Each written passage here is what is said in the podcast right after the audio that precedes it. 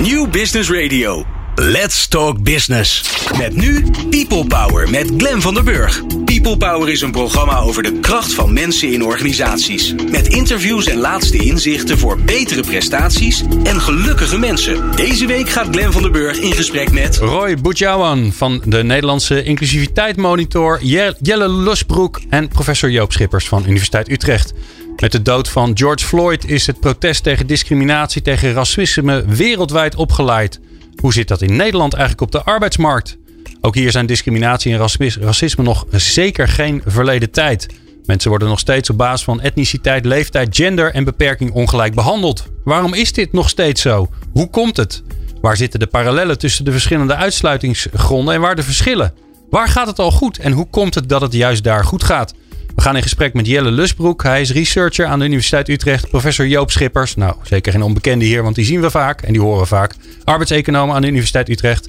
En Roy Boetjawan. Hij is werkzaam bij ING, maar hij is hier zeker als voorzitter van de Nederlandse Inclusiviteitsmonitor. Farid Tabarki verzorgt de column. People Power maken we samen met de Future of Work Hub van de Universiteit Utrecht. En dat zijn een reeks programma's over de toekomst van werk. De Future of Work Hub is een platform waar wetenschappers, organisaties en beleidsmakers samen maatschappelijke vragen beantwoorden over werk. En wil je nou de nieuwste afleveringen van People Power via WhatsApp? Sla ons nummer dan op onder je contactpersonen 06 45 66 75 48. Stuur ons een berichtje met je naam en podcast aan. Dan sturen we de nieuwste afleveringen direct zodra ze online staan. En ging dit nou veel te snel en die kans is best groot, dan kun je naar onze website peoplepower.radio en staat alles nog rustig opgeschreven. Fijn dat je luistert naar People Power. People Power met Glen van den Burg. Ja, met uh, drie interessante heren in de studio.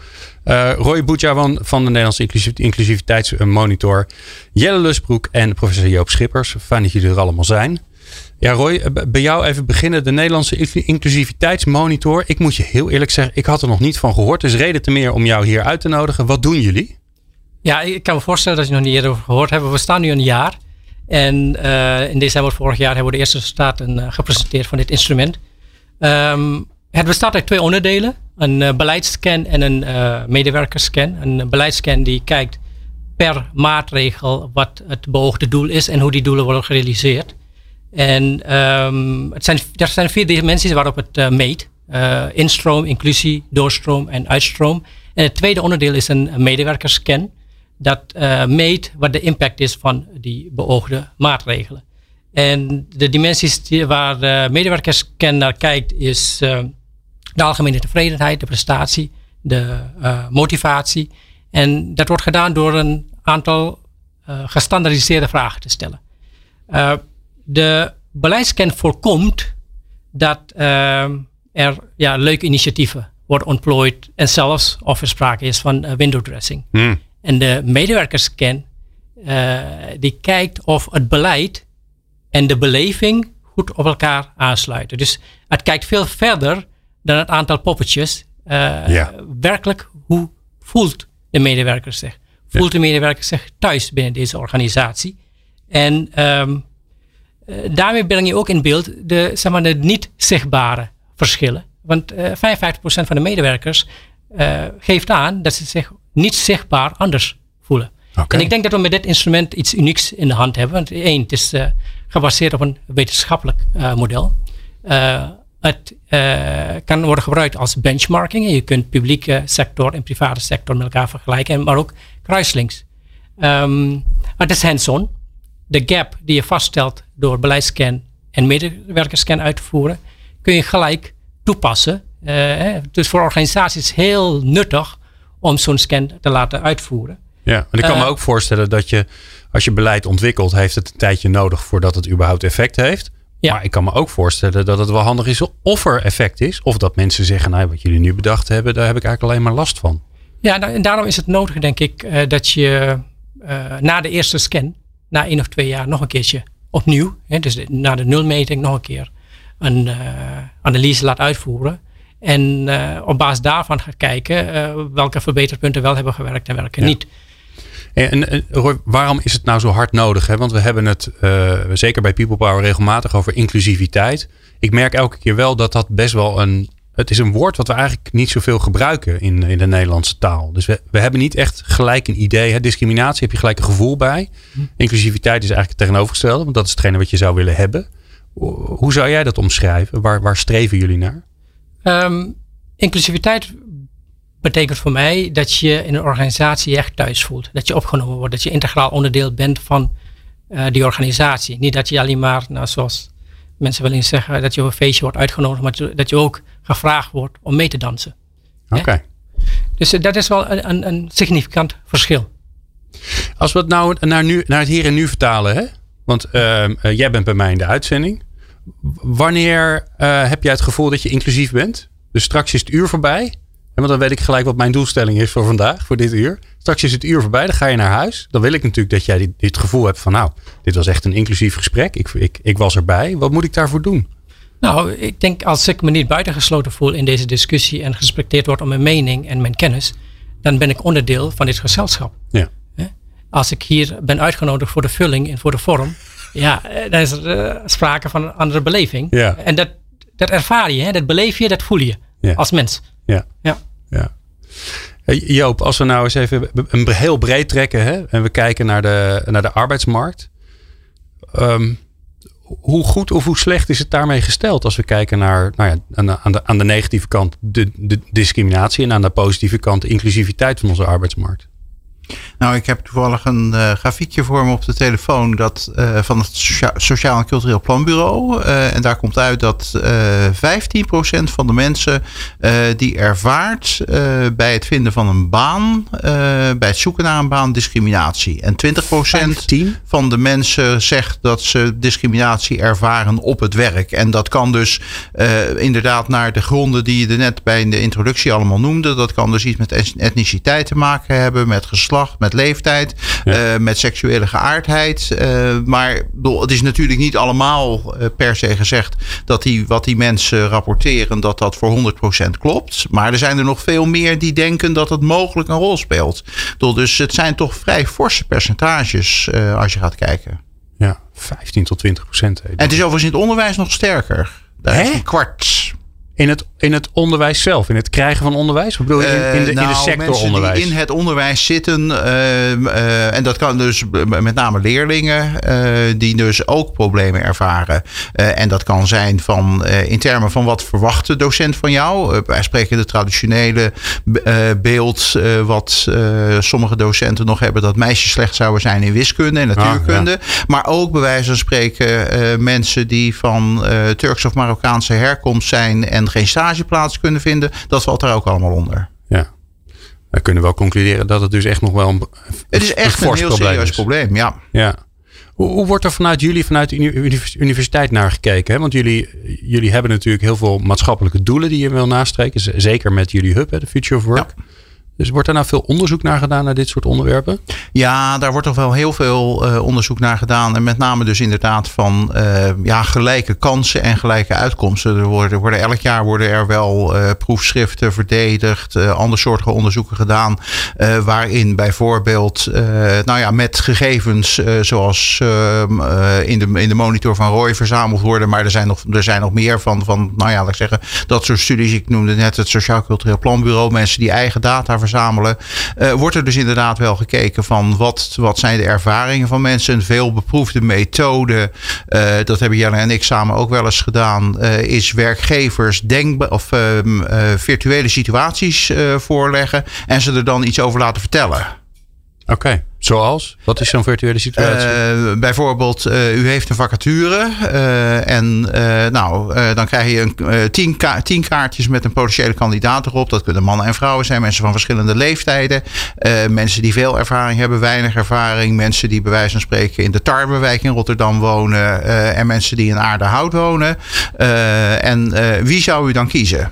Of hoe groot is de kans dat u betrokkenen ja. een maan zou willen geven? Ja.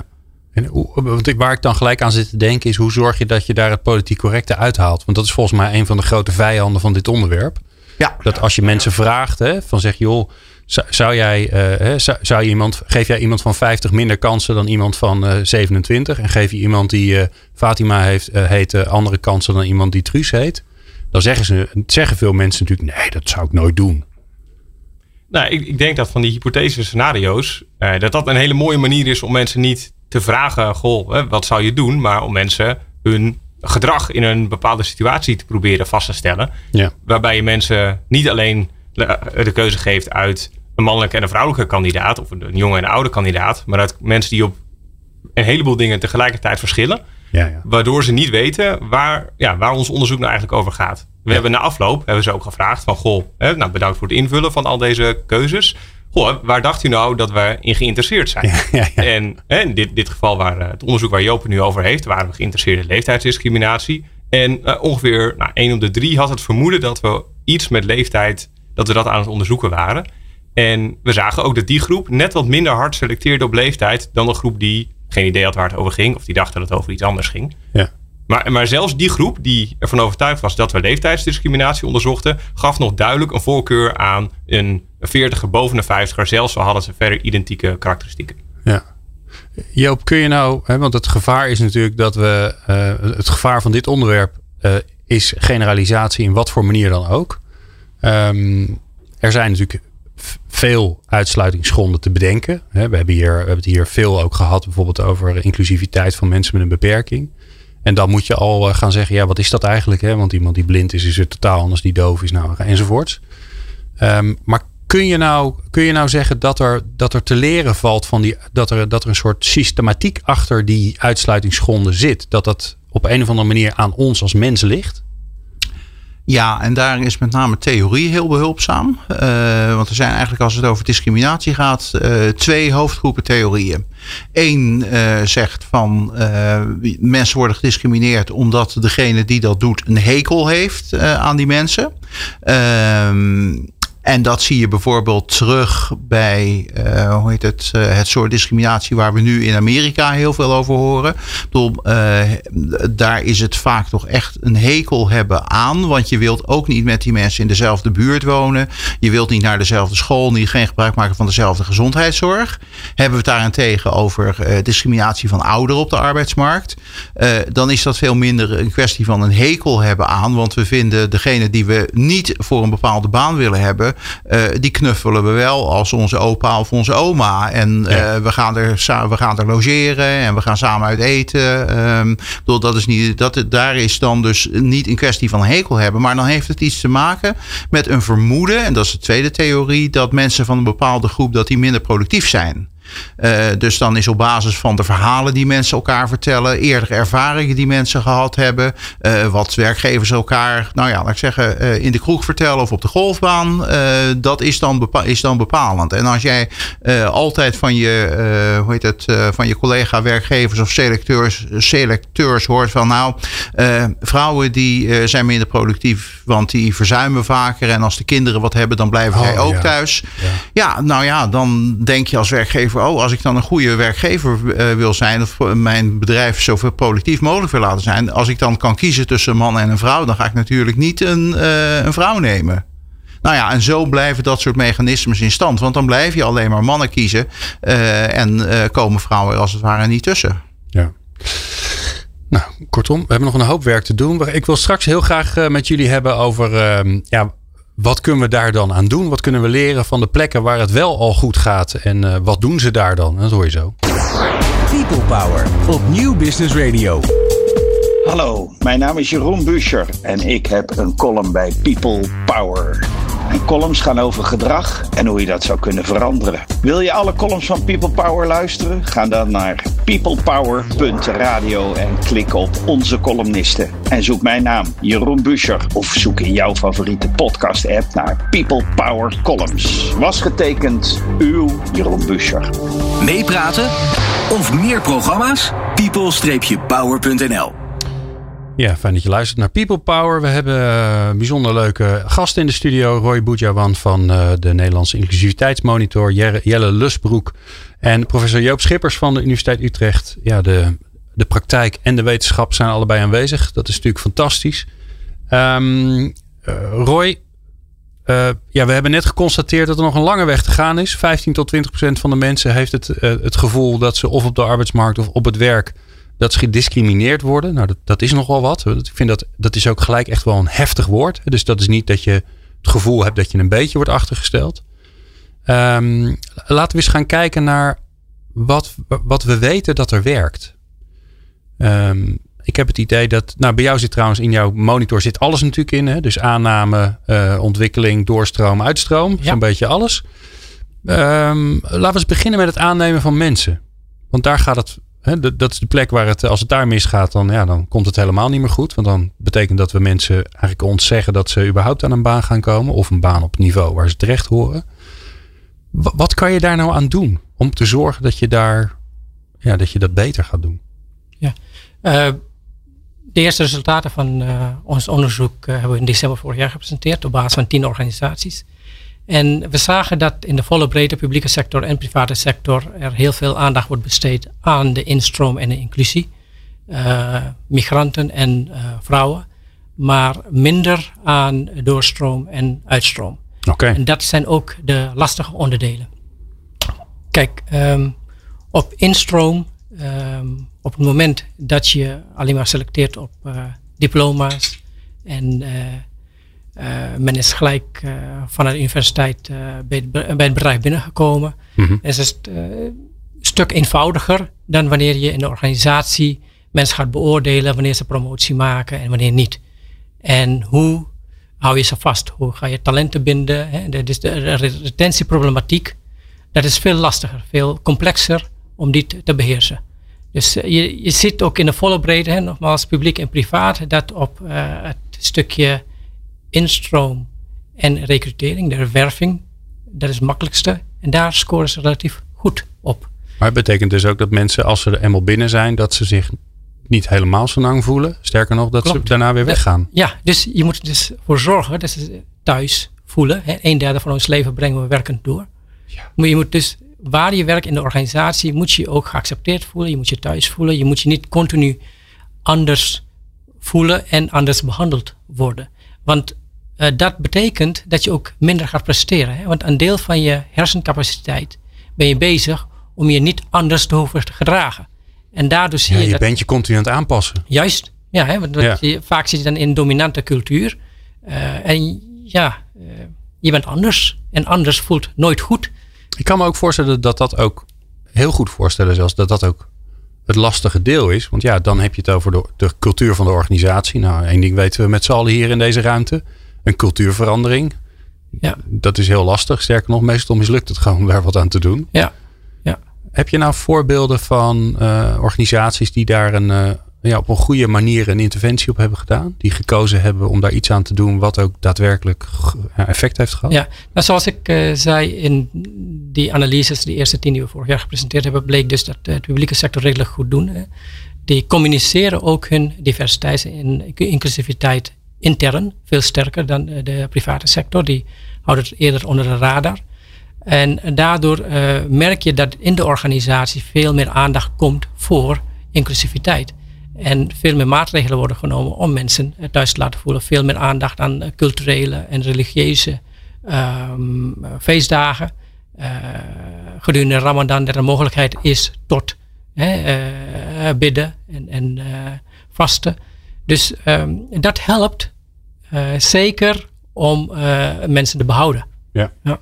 Maar voor, voor de doorstroom, de ontwikkeling, Um, daar heb je met name de middelmanagement nodig. Uh, we hebben het idee dat de topmanagement het goed in de gaten heeft. Hè. Die kijken soms vijf tot tien jaar vooruit waar de organisatie naartoe moet. Die begrijpen wat diversiteit voor meerwaarde heeft, financieel en sociaal, qua goodwill in de organisatie, maar ook in publiek en politiek. Hmm.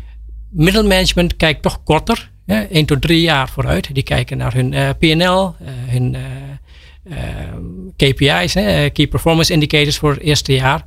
Dus veel meer op de korte termijn investeringen. En ik kan me ook voorstellen dat, dat zij hebben ook te dealen met de, uh, de effecten van het verschillen van cultuur. Hè? Nou, met, ja. met het feit dat iemand meedoet aan Ramadan. Hè, wat, natuurlijk, ja, wat natuurlijk effect heeft op wie diegene is. Ik had vorige week nog iemand in de studio die, ja, voor mij is het nu een week of twee, drie geleden was het suikerfeest.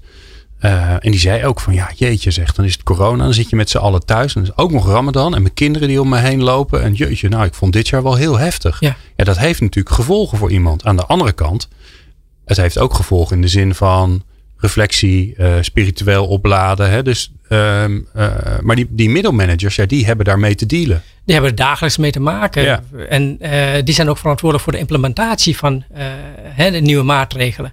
Dus het is voor hun ja, een investering. en en ja, dan duurt het even voordat men het besef heeft en een goede business case uit heeft te halen. Wat gaat dit met, op termijn opleveren? Ja, en ook ongemak. Gewoon dat je het niet weet. Ook, dat je gewoon denkt, ja, jeetje mina, ja, eh, hoe zit dat eigenlijk met mezelf? Hoe denk ik daarover na? Wat moet ik eigenlijk überhaupt doen? Ja, daarom is het gevaarlijk om uh, op het moment dat men een uh, aantal dingen niet doet, gelijk te betichten van discriminatie of racisme. Is best wel gevaarlijk om, om dat, en, en, en, vaak zie je dat te snel gebeurt. Nogmaals, je zegt het zelf, meestal weet men niet, is men onbewust van het feit dat uh, men op zo'n uh, manier handelt. Ja. En men weet ook niet hoe anders te doen. Uh, Jelle, wat komen jullie, komen jullie tegen in, in het onderzoek als je daarnaar kijkt? Ehm, de rol van een leidinggevende, van, van management. ja, die blijft natuurlijk. Hè, we hebben het heel lang met elkaar over zelfsturing en, en, en agile, weet ik veel wat allemaal. Maar uiteindelijk zijn er toch binnen de meeste organisaties nog steeds, steeds heel veel leidinggevenden. Wat, hoe, hoe kijken jullie naar die rol? Hebben jullie daar onderzoek naar gedaan? Uh, zeker, ja. Uh, ik denk dat zelfsturing tot op zekere hoogte. Nou, ik geloof er nog steeds wel in dat dat zou, zou kunnen helpen. Een aantal organisaties zegt bijvoorbeeld: iedere medewerker heeft per jaar 1500 euro aan trainingsbudget. Mag zelf kiezen hoe hij dat uitgeeft, of hij dat uitgeeft of niet. En dat in organisaties die dat doen, de eventueel leeftijdsdiscriminatie of anders type discriminatie vanuit de manager die ervoor zorgt dat sommige groepen minder training krijgen dan andere. Dat zou je daarmee op kunnen lossen. Tegelijkertijd, ja, bij training werkt het heel goed, maar ja, bij sollicitaties of bij promoties is het natuurlijk onmogelijk om die manager uit het verhaal te halen. Dus diversiteitstrainingen worden ook wel vaak, daar is ook wel het nodige onderzoek naar gedaan, met gemengde resultaten. Um, een aantal studies laten duidelijk verschil zien in de sfeer op de afdeling, hoe mensen zich voelen, in hoe de samenwerking gaat tussen uiteenlopende groepen. Andere studies nou, laten weinig verschil zien. Ik denk, nou, de ene training is de andere niet. En als laatste. En valt daar iets over te zeggen eh, van jullie? Want ik kan me goed voorstellen dat het ook fijn zou zijn als je van een training zou kunnen zeggen, nou weet je, deze hebben we goed uh, doorgelicht en het blijkt dat er effect is. Dus als je dan wetenschappelijk bewijs wil hebben of een training zin heeft, doe dan deze wel en die misschien niet. Dat zullen je natuurlijk nooit zo hard zeggen, maar dat is natuurlijk wel fijn om te weten voor degene die daar verantwoordelijk voor is. Hebt het enorm te knikken. ja, een organisatie die dit soort dingen goed in de vingers heeft, die, uh, die monitort dit natuurlijk. Van uh, is een bepaalde training, helpt die mensen ook verder? Uh, en helpt die bij spreken sommige mensen meer verder dan dat die andere mensen verder helpt? Bedoel, het is natuurlijk ook van wat je dan bij wijze van spreken aangeleerd hebt in zo'n training. Van kun je daar ook vervolgens wat mee doen? En dan heeft het natuurlijk toch weer, en dan ben je eigenlijk weer terug bij die, bij die manager, belangrijk dat die manager daar ook oog voor heeft. Dat hij ook weet wat het effect van zoiets heeft. Want een uitnodigende manager is natuurlijk toch iets, weer iets heel anders dan uh, een uh, situatie waarbij uh, degene die iets gedaan heeft, dat hij zelf, hoe heet het, moet aankloppen van goh, hier, hier ben ik. Dus bij wijze van spreken een leidinggevende die zelf bij het bepalen van de agenda voor de komende weken aanduidt van oh, ik weet dat nu de Ramadan is of dat het suikerfeest is. Zijn er van jullie die daar op een of andere manier, hoe heet het, ja. iets mee gaan doen? Dat is veel prettiger dan dat iemand zelf zijn vinger moet opsteken van ja, maar ik kan dan niet, want dan enzovoorts. Dus het is ook wat dat betreft die uitnodigende houding die daar een grote rol bij speelt. Ja, het, wat ik me goed voor kan stellen is dat je, dat je je bent natuurlijk heel gewend om, om alles door je eigen bril heen te zien. Hè? Je hebt je eigen perceptie van de wereld. En, en de, uh, dat, zo bedoelen we het met z'n allen niet. Maar je denkt wel dat de wereld zo is. Maar dat is natuurlijk niet zo. Hè? Dus als het, als het.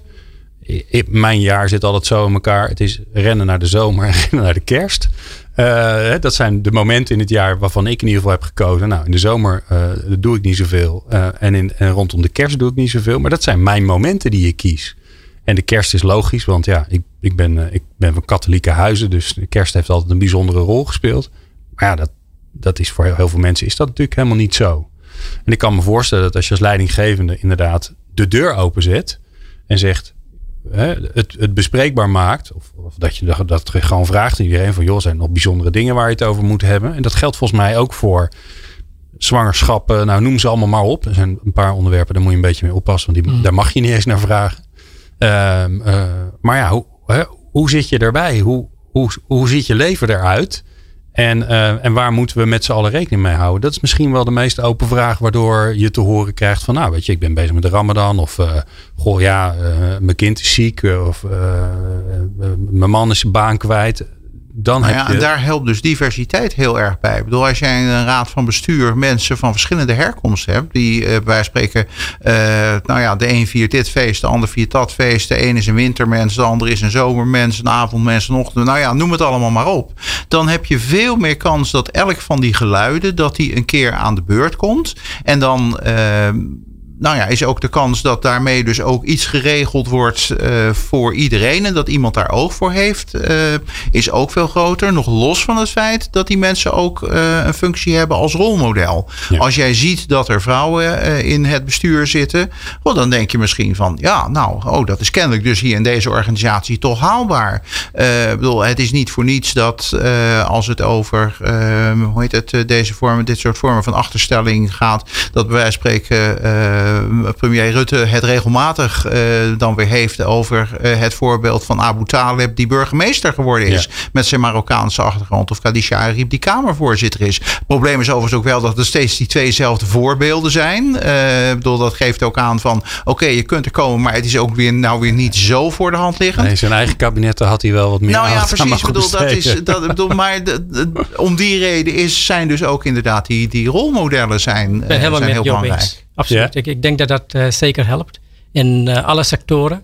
Eh op het moment dat er zichtbaar mensen zitten die anders zijn. Hè? Dat helpt zeker om uit die doelgroepen meer mensen aan te trekken. Hè, dat, dat geldt ook in het bankwezen. Op het moment dat je ziet dat niet-westerse migranten een, een functie hebben, zichtbaar zijn, eh, in hogere echelons terechtkomen, dat, dan eh, is dat eh, absoluut een voorbeeld voor anderen om ook binnen de bank te gaan solliciteren. En ik ben heel lang coach geweest op een middelbare school.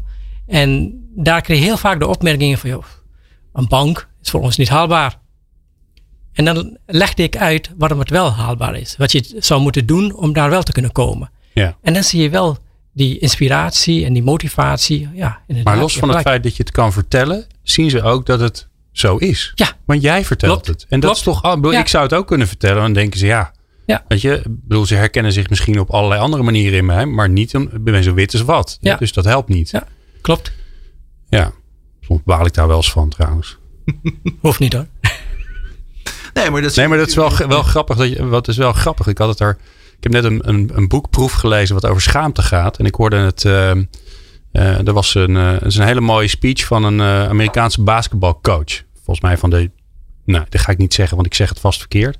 Maar die, die zegt ook aan het einde: Ik schaam me ervoor dat ik wit Ik schaam me er soms voor dat ik wit ben. Ik voel dat in deze tijden ook. Dat ik denk: Jezus, wat hebben we toch een zo. We, hè, dat je net alsof of dat mij bepaalt. Het is niet zo.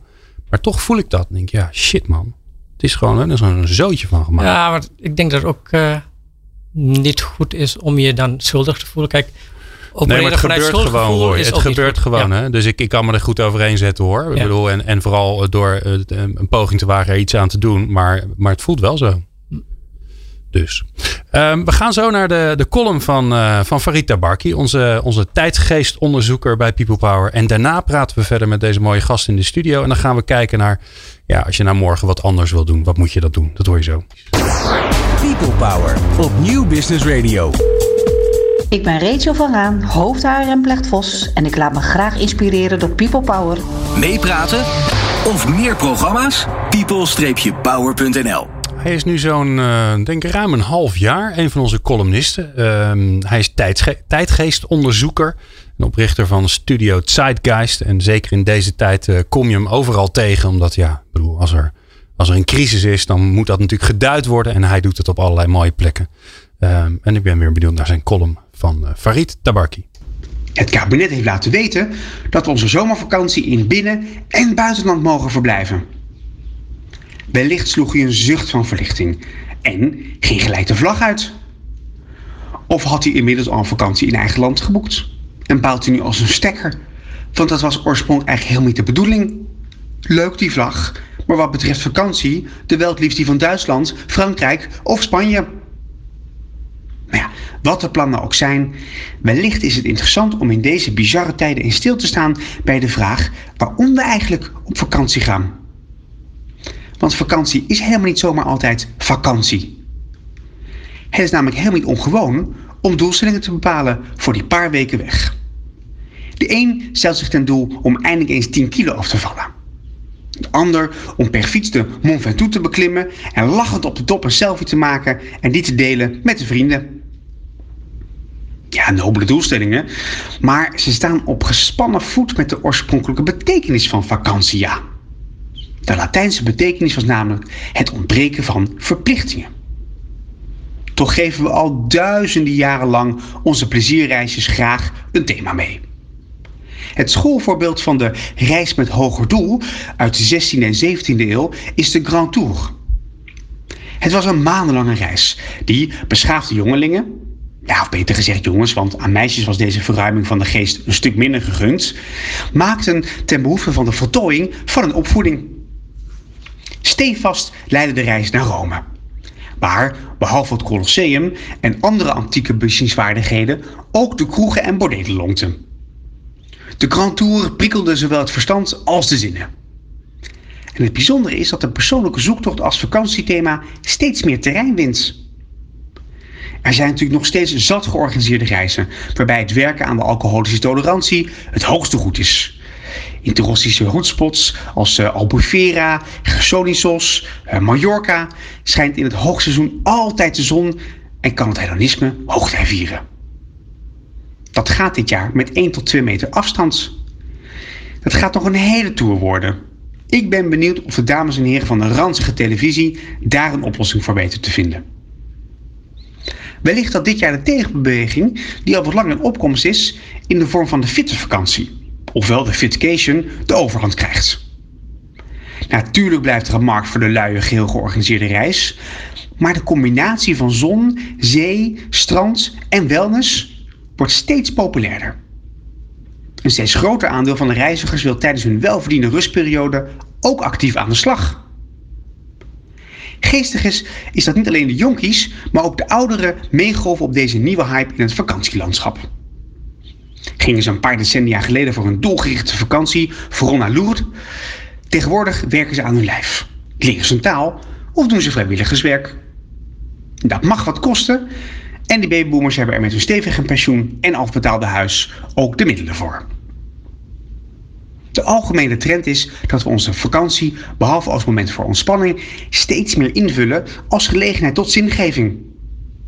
Ikzelf heb me bijvoorbeeld ten doel gesteld om alle landen van de wereld te bezoeken en dat is een grand tour van formaat. Juist als ik naar de landen ga waar een gemiddelde mens nog niet doodgevonden wil worden, realiseer ik me dat zo'n reisbestemming me inzichten geeft over mezelf en de wereld. Nou, doe me vooral niet na en sluit Nauru en Guyana gerust over, maar besef dat persoonlijke ontwikkeling, of beelddoen in het Duits, tot wasdom komt door het verruimen van je blikveld. En daar zijn vakanties in potentie uitermate geschikt voor. In binnen- en buitenland. Dankjewel Farid. Ja, volgens mij zitten we hier allemaal mee. Waar gaan we naartoe deze zomer? Nou, volgens mij kun je ook een prachtige vakantie maken in je hoofd. Gewoon heel veel people power luisteren. People Power. Inspirerende gesprekken over de kracht van mensen in organisaties. Met Glen van der Burg. Roy Boudjawan, Jelle Lusbroek en Joop Schippers in de studio. We praten over uh, discriminatie. Uh, als je het over de negatieve kant hebt. Maar we praten ook over inclusiviteit. Als we het hebben over wat we zouden willen bereiken. Um, ja, Jelle, we hebben het over verschillende uitsluitingsgronden. Dat is ook weer zo'n prachtige term die je eigenlijk normaal nooit gebruikt of wil gebruiken. Maar wel belangrijk is om daar uh, naar te kijken. Jullie hebben daar onderzoek naar gedaan. Hoe, ja, hoe, hoe, hoe, hoe beïnvloeden die elkaar? Valt er wat over te zeggen? Uh, absoluut. Mensen zijn. Uh, we kunnen last hebben van seksisme, van leeftijdsdiscriminatie, van etnische discriminatie. Los van elkaar, maar heel vaak ook tegelijkertijd. En dan gebeurt er soms iets anders dan alleen het baken optellen van die twee. Uit een van uh, onze studies naar trainingsparticipatie hebben managers gemeten hoe, in hoeverre zij vinden dat uh, ouderen andere kwaliteit hebben dan jongeren. En hoe meer ze het daarmee eens waren, hoe minder training ouderen volgden op hun afdeling. Maar eigenlijk vooral oudere vrouwen hadden daar veel last van. En studies zeggen bijvoorbeeld, nou, je hebt allerlei stereotypen over ouderen. Sommige zijn positief, ze zijn meer betrouwbaar, betere leiders, meer stressbestendig. Andere zijn negatief, ze zijn minder creatief, minder flexibel, minder leergierig. Nou, of die stereotypen waar zijn, dat is een tweede. Maar veel managers geven aan dat ze dit geloven. En die positieve van ouderen zijn betere natuurlijke leiders. Daar profiteren toch vooral mannen van. Omdat mannen over het algemeen meer worden gezien als natuurlijke leiders. Ja, ja. En kun je dan ook, zegt het ook iets over degene die, die dat oordeel velt? Ja, want ik uh, bedoel, als je, uh, als je zeg maar leeftijdsdiscrimineert, is de kans dan ook groter dat je op andere gronden uh, dat wereldbeeld hebt van mensen. Hoe, zegt het wat over de mens of, of is dat totaal uh, verschillend, Joop? Nou, of het op individueel niveau zo werkt, weet ik niet. We zien wel um, dat bijvoorbeeld een land wat uh, heel vrouwvriendelijk is, uh, bijvoorbeeld Zweden, dat daar ook de positie van oudere werknemers beter is. En dat heeft dus kennelijk iets te maken met het feit dat er daar in het algemeen meer bereidheid is om inclusiviteit te bevorderen. En bij wijze van spreken ook ruimte te maken voor mensen die anders zijn dan de witte mannelijke norm. Ja, Roy, wat zien jullie in je, in je onderzoek daarvan terug? Hè? Want jullie doen onderzoek naar inclusiviteit. Nou, dat gaat dus over iedereen die het gevoel heeft uh, dat hij afwijkt van, uh, van de culturele norm in een organisatie. Hè? Voel ik me hier thuis? Uh, valt er wat over te zeggen dat als het zeg maar op etnisch gebied niet goed zit, dat al die andere gebieden ook slechter scoren? Dat hebben we nog niet weten vast te stellen. Okay. Maar we zijn nu bezig om toe te werken naar ongeveer 100 analyses in totaal. De komende twee jaar zijn nu ongeveer op 15. En we hopen met die 100 uh, analyses een totaalbeeld te hebben van hoe inclusief divers is Nederland. En op die domeinen publiek en privaat ook onderverdeeld per sector en gemeentelijk overheidsniveau. dus dit soort onderdelen, hè, wat, wat je benoemt, om op detailniveau vast te kunnen stellen. Um, waar daar de verschillen in zitten. Ja. Dus met, met de huidige aantallen zijn we daartoe nog niet in staat. Okay. Kijk, wat we wel weten bijvoorbeeld uit uh, de psychologie, en ik ben geen psycholoog, maar nou ja, laat ik zeggen, je leest wel eens wat. Uh, zie je wel dat uh, mensen die in het algemeen bang zijn, bang voor het vreemde, die wijzen ehm, alles af. Dus als je heel bang bent, dan wijs je heel veel af. Uh, bedoel, dan wil je eigenlijk het liefst dat nou ja, het allemaal bij hetzelfde blijft. Ja. Uh, bedoel, en dan zijn uh, binnen een organisatie vrouwen eng, buitenlanders eng. nou ja, bedoel, en dan, ja. dan, dan stapelt zich dat al, al heel snel op. Ja. Dus mensen die een, nou ja, laat ik zeggen, een wat, wat, wat open en tolerante geest hebben, daarvan mag je verwachten dat die in het algemeen meer bereid zullen zijn om uh, het experiment aan te gaan. Bedoel, die, die proberen ook Japans eten en Turks eten en Syrisch eten enzovoort. Terwijl, ja, ik bedoel, de, ik zou maar zeggen, uh, de boer die niet, uh, die niet lust wat hij niet kent, die zal altijd bij de standpunt blijven. Ja. Ik wil in het laatste, nou wat is het, zes minuten um, wil ik naar de actie. Want als we niks doen, dan gebeurt er niks. Dat weten we. Dus um, stel je voor, ik ben luisteraar, ik ben um, leidinggevende of ben onderdeel van een team. Wat kan ik nou morgen doen in mijn gewone normale dagelijkse werk om te zorgen dat er meer inclusiviteit wordt? En Roy, jij bent ervan, dus uh, jij mag eerst. Ik zou uh, beginnen met te communiceren wat het beleid binnen het bedrijf is. En waarom je diversiteit nodig hebt. Waarom omarm je diversiteit en uh, dat de CEO en raad van bestuur dat ook uitspreken, hoe belangrijk ze het vinden. Ja. En je begint ten eerste, denk ik, met diversiteit binnen een raad van bestuur. Hm? Daar okay. geef je het voorbeeld voor. Dus ik denk dat daarmee begint. Uh, wat we en als je net, een gewone normale, ja. ik ben een gewone normale, ik ben, ik ben medewerker bij HR of ik ben leidinggevende van de afdeling operations of zo, dan, dan kan ik daar niet zoveel mee, behalve er naar vragen. He, dan zou ik kunnen vragen van, god, doen wij daar eigenlijk iets aan? Of wat is eigenlijk onze visie op inclusiviteit?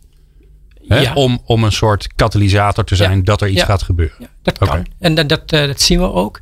Um, en een ander tip wat ik zou uh, willen meegeven is, stop met elke keer weer een uh, multicultureel iemand of uh, iemand die anders is als diversiteitsmanager aan te wijzen. Ga nou eens een keer een witte man als diversiteitsmanager. It takes two to Ja, tango. Dus je hebt die groep nodig waar zeg maar de macht, de bevoegdheden liggen. Die heb je nodig om in het midden uit te kunnen komen. Het grappige is dat Dus- volgens mij het tegenovergestelde ge- gebeurt. Van nou weet je, dan, dan laten we gelijk zien dat we, dat we het menen. Ja, Maar jij zegt het Maar die, tegenovergestelde. die, die, die eh, hebben vaak dan ook te maken met dezelfde methodiek eh, van opereren zoals als een gewone medewerker zouden opereren. Waardoor ze soms, als je eh, verandering teweeg wilt brengen, juist ehm, ander gezicht, andere vaardigheden, eh, ander uiterlijk voorkomen nodig hebt om veranderingen in het bedrijf teweeg te brengen. En dan helpt het als je een van degenen bent waar de macht ligt. Oké? Oké, dus een, een, een, een diversiteitsmanager die lijkt op alles wat er toch al rondloopt. Maar zeg je dan ook, eh, eh, zet een CEO neer of een eh, hoofd HRM of een hoofd operations. Waarbij je wel ervoor kiest om divers te zijn. Ja, ehm, Dus, dus, want dan zet je mensen in de macht. juist, juist. Dus, dus ik, ik heb heel veel dus, in bedrijven, publiek en privaat gezien. Ehm, nou, ga maar zelf een keertje googlen. Wie zijn de diversiteitsmanagers in Nederland? Ja, nee, ik heb Ja. net heel veel, eh, heel veel mensen eh, zeg maar doorgekregen Ja, wie ik zou kunnen bellen. Ja. En daarvan zijn er heel veel eh, doen er dit werk. Ja, ja, zeker. vind ik jammer. Ja. Ik, ik zou nooit diversiteitsmanager willen worden. In alle eerlijkheid. Ik zou liever een witte man binnen mijn organisatie neerzetten. die zeg maar, in de dominante cultuur geïntegreerd is. En vanuit die rol probeert verandering eh, door te voeren. Ja, want voor de duidelijkheid, daar hebben we het helemaal niet over gehad. En zo zit je hier. Maar jij werkt bij ING en je, je bent daar verantwoordelijk voor. Impact finance. Zeker. Nou, ik weet niet eens wat het is. Ja, maar dat, kom je, impact, eh, kom, kom, creëren, kom je een andere keer vertellen. Ja. Maar dat is een, een, een... Ja, je hebt ook macht dus. Eh, Een beetje. ik heb wel wat te zeggen. Ja. Alright. Jelle, wat zou je adviseren aan mij? Ik wil morgen aan de gang. Ik ben eh, leidinggevende van de afdeling klantcontacten. Wat moet ik doen? Is er eh, bij een aantal eh, beslissingen waarbij je kiest ehm, tussen verschillende medewerkers. Wie heeft er wel of geen recht op die training? Wie heeft er, eh, komt eerder in aanmerking voor een stap naar hogerop? Om wat meer te formaliseren en transparant te maken wat nou de criteria zijn waarop die beslissingen genomen worden. En hoe, eh, hoe, duidelijker dat is en hoe transparanter het is wat die criteria zijn, hoe minder ruimte er eigenlijk overblijft om nog te, te beoordelen op dingen die we ja, onterecht, on- oneerlijk Ja. vinden om te beoordelen. De klik, het voelt goed, dat soort eh, dingen. Ja, hoe, hoe die hou je dat er is. dan Ja, uit. hoe, hoe makkelijker je kunt zeggen, ik had een betere klik hierbij. Als je op een aantal meer... Ja, en het is natuurlijk altijd moeilijk om dingen te standaardiseren. Maar ik denk dat in een aantal gevallen je zeker daar een stap in kan zetten. Mooi, ja. Joop als laatste, als afronding. Wat moet ik morgen doen? Ik ben eh, hoofd eh, klantcontact bij eh, een verzekeraar. Ik wil, ik wil er wat aan doen.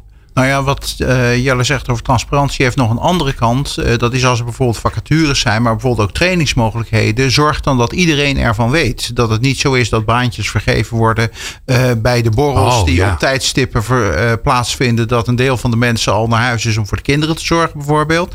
Ehm, eh, geef ook inderdaad goed aan wat de criteria zijn, zodat iedereen weet van, nou ja, als ik daar en daar aan voldoe, dan, eh, dan maak ik kans. En in dit geval denk ik dat ook geldt van eh, als je denkt van, goh, er zitten toch wel heel weinig mensen uit deze of deze groep in, eh, in bepaalde functies nodig ze dan ook expliciet uit eh, om voor zoiets te solliciteren. Ik bedoel, niet met de garantie van je gaat het worden. Maar ik denk dat jij wel een goede kans bent om Ja. een goede kans maakt om als je solliciteert het dan te worden. En mijn support heb je bij wijze van Ja, spreken. dan heb ik nog een ja-nee vraag, want meer tijd hebben we niet. Een functie of een, of een vacature reserveren. Gewoon zeggen, weet je, ik, eh, het is te wit, het is te mannelijk. eh, we hebben te weinig mensen met een beperking. Ik ga nu gewoon specifiek zo iemand aannemen, punt uit. Want anders wordt het nooit wat. Wel of niet doen, Roy? Ik zou het wel doen. Oké. Ja, soms wel. Jelle? Ja, tijdelijk. Goed zo. Heren, eh, ik dank jullie zeer. Ik eh, vond het prachtig weer om met jullie te praten. Bedankt voor jullie wijsheid en jullie inzichten. Eh, meer informatie kun je natuurlijk vinden bij Roy op de website. Want de inclusiviteitsmonitor die kun je vinden Ja. op. www.inclusiviteitsmonitor.nl Ja, en anders kun je natuurlijk eh, via onze website, want daar zet ik een linkje op. En de Future of Work via de UU.nl is het volgens mij toch? Absoluut. Ja, veel korter kan het gewoon zeker. niet. Ja, er zijn verschillende routes die naar de Future of Work leiden. Zeker, en ook daarvan zetten we natuurlijk een linkje in de show notes. Ik vond het in ieder geval heel fijn dat je hebt geluisterd. In het vorige, volgende uur gaan we het hebben over talent. Ja, dat moet je kennen, dat moet je gebruiken, dat moet je ontwikkelen. We hebben het een soort, soort van achterloos over. Maar hoe kom je eigenlijk achter waar je goed in bent? Dat valt toch niet mee, tenminste voor mij niet. En hoe blijf je je ontwikkelen? We praten met Bojana Duhovski. Zij is oprichter van Your Next Story en Edson Hato van ABN AMRO. Fijn dat je luistert. Meepraten of meer programma's? people-power.nl